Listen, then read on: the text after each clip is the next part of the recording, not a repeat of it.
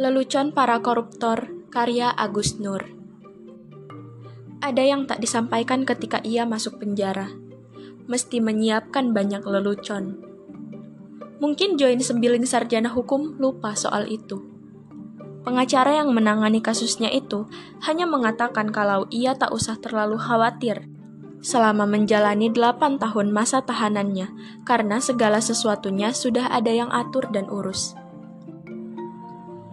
Percayalah, penjara bukanlah tempat yang menyeramkan bagi koruptor. Katanya setengah tertawa. Kehilangan kebebasan bagaimanapun membuatnya merasa tertekan. Ia membayangkan kehidupan yang begitu membosankan dan akan mati kesepian. Tapi pengacara berpenampilan parlente itu, yang sudah menangani puluhan kasus korupsi, menentramkannya Anggap saja kau hanya pindah tempat tidur.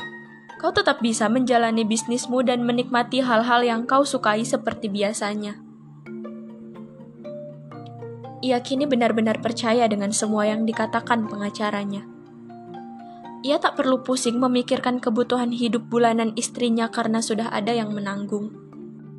Juga biaya sekolah anak-anaknya. Kawan-kawan dan atasan yang merasa diselamatkannya karena ia tak menyebutkan nama mereka selama persidangan, telah diatur oleh Join Sembiling Sarjana Hukum agar membantu semua kebutuhan rumah tangganya sebagai ucapan terima kasih. Bahkan, ia masih bisa berkomunikasi dengan mereka. Dan istrinya bisa sewaktu-waktu menemuinya bila memang ia membutuhkan untuk menyelesaikan hasratnya.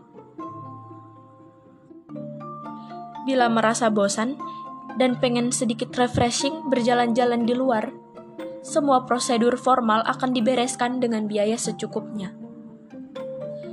Bila kangen makanan kesukaan, tinggal telepon dan akan segera ada yang mengantarnya. Yang menggelisahkan justru karena ia mesti menyiapkan lelucon. Ini ia ketahui setelah dua minggu dalam penjara. Ia diundang mengikuti pertemuan dengan para penghuni lama. Ini pertemuan yang rutin diadakan tiap malam Rabu. Ujar Sarusi, kawan satu selnya. Anggota dewan yang tertangkap tangan karena kasus suap reklamasi. Kau bisa berkenalan dengan orang-orang terhormat di sini. Kesempatan langka yang mungkin tak akan bisa kau dapatkan bila kau masih di luar sana. Sarusi tersenyum. Siapkan saja satu lelucon yang paling lucu yang kau punya yang bisa menentukan martabatmu. Ia bingung saat itu. Akhirnya ia tahu, setiap yang hadir bergiliran menyampaikan satu lelucon. Yang paling lucu akan naik martabatnya karena akan dilayani oleh yang kalah, yakni yang dianggap paling tak lucu. Menjadi raja dalam seminggu yang boleh memerintah atau mengerjai siapa pun yang kalah. Misalkan menyuruh berdiri dengan satu kaki, menangkap seekor kecoa, dicoreng wajahnya dengan spidol dan tak boleh dibersihkan selama seminggu, memijiti setiap malam, dan bahkan menyuruhnya membersihkan sel. Lelucon-lelucon itu menghiburnya, sekaligus membuatnya mati kutu. Saat pertama kali hadir dalam pertemuan itu, ia dianggap paling tak lucu dan disuruh menyanyikan lagu nasional yang didangdutkan sambil goyang ngebor. Sialan. Rupanya semua telah sepakat untuk mempelonconya sebagai warga baru karena ia tahu. Sebenarnya, lelucon Pak Hakil lebih tak lucu dari leluconnya. Pak Hakil, mantan hakim konstitusi sebenarnya tak pernah bisa membuat lelucon lucu.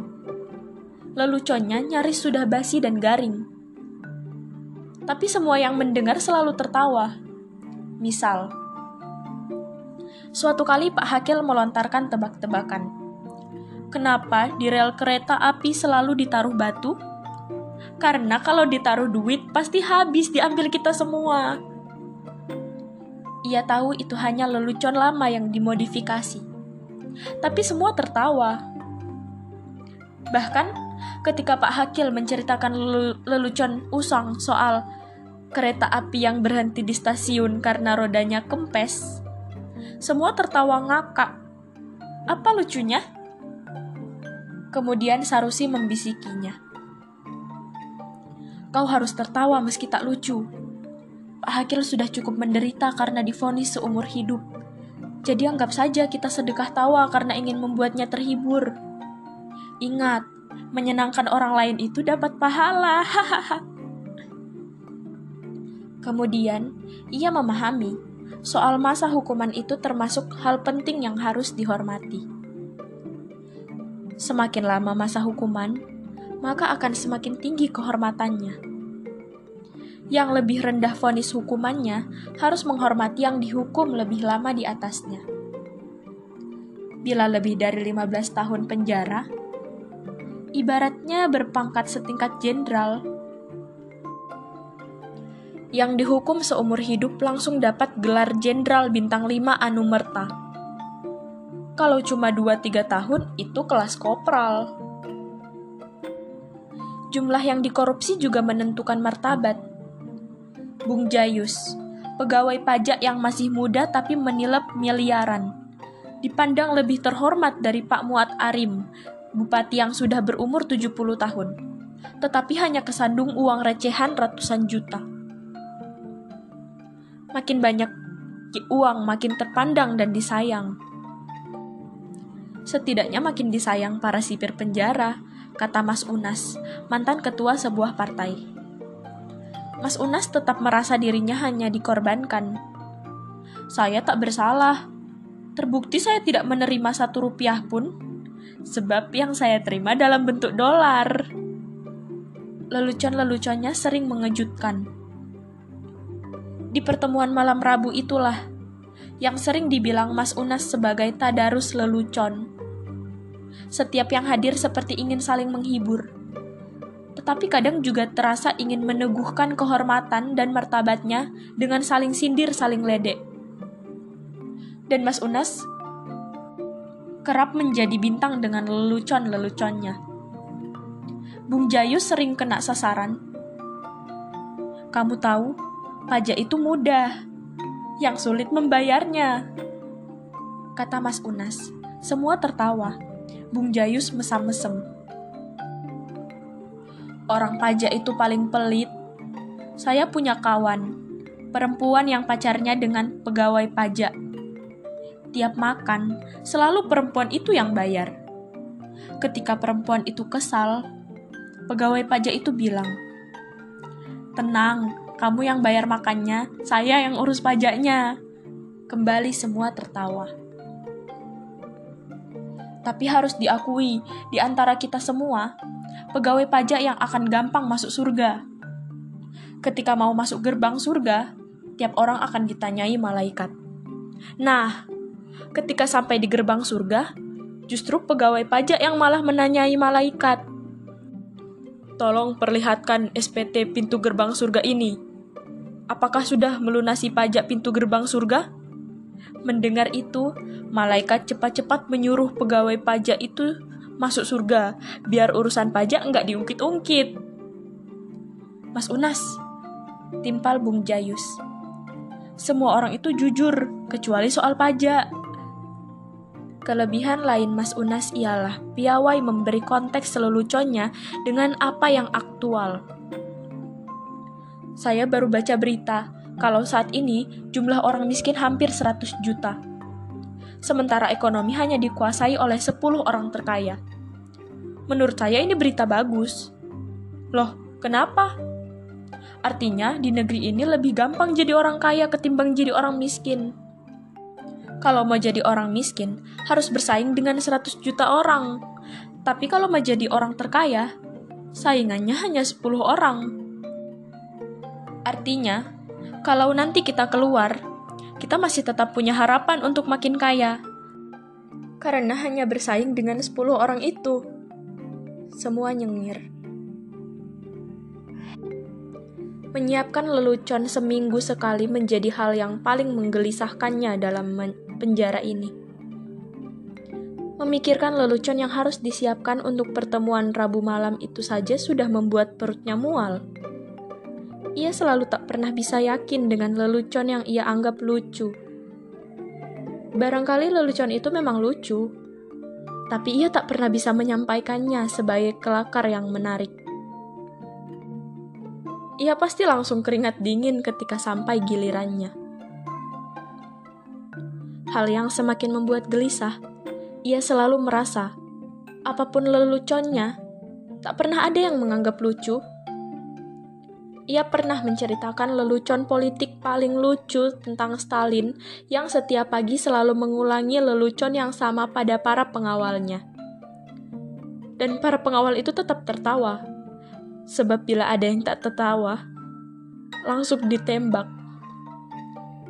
Itu satir tapi tak seorang pun tertawa ketika ia menceritakannya. Lalu, di pertemuan berikut ia memilih humor asosiatif dan menyerempet porno. Jangankan ada yang tertawa, tersenyum tidak. Malah ia jadi bahan ledekan. Ia juga sudah mencoba teka-teki konyol, tetap saja dianggap kalah lucu dengan lelucon Pak Hakil yang sama sekali tak lucu. Bahkan, yang membuatnya tak paham sekaligus geram, ia pernah dengan sengaja memilih lelucon yang sama dengan lelucon Pak Hakil. Tentang kenapa anak babi selalu jalan tertunduk sebab malu punya ibu babi. Ketika Pak Hakil yang cerita, semua tertawa terbahak-bahak tapi saat ia menceritakan lelucon yang sama itu, semua diam. Ia tak bisa marah kepada Pak Hakil sebab sebagaimana kode etik sesama tahanan, Pak Hakil lebih terhormat, hukumannya lebih lama, dan lebih bermartabat, jumlah korupsinya lebih banyak. Selama setahun mengikuti malam lelucon itu, ia tak pernah terpilih sebagai yang paling lucu. Ia menyampaikan rasa penasarannya kepada Sarusi. Tapi rekan satu selnya menghindar menjawab. Ia yakin Sarusi menyembunyikan rahasia. Ia selalu memancing agar Sarusi menjelaskannya. Kau tak tahu? Kata Sarusi suatu malam, saat ia terus mendesaknya. Kamu menutupi banyak fakta sehingga hanya kamu sendiri yang masuk penjara. Kamu melindungi semua atasanmu yang terlibat. Oleh mereka yang diselamatkanmu, kamu dianggap hebat, pahlawan penyelamat. Tapi bagi kawan-kawan di sini, kamu hanyalah seorang pengecut. Karena tak pernah berani menyebutkan nama-nama yang ikut korupsi bersamamu Sarusi menatapnya. Ia merasakan kesunyian yang membuatnya kehilangan semua kebanggaannya. Membayangkan sisa hukuman dengan harus memikirkan dan menyiapkan lelucon setiap minggu sungguh-sungguh menjadi siksaan yang lebih mengerikan dibanding hukuman dalam penjara yang mesti dijalani.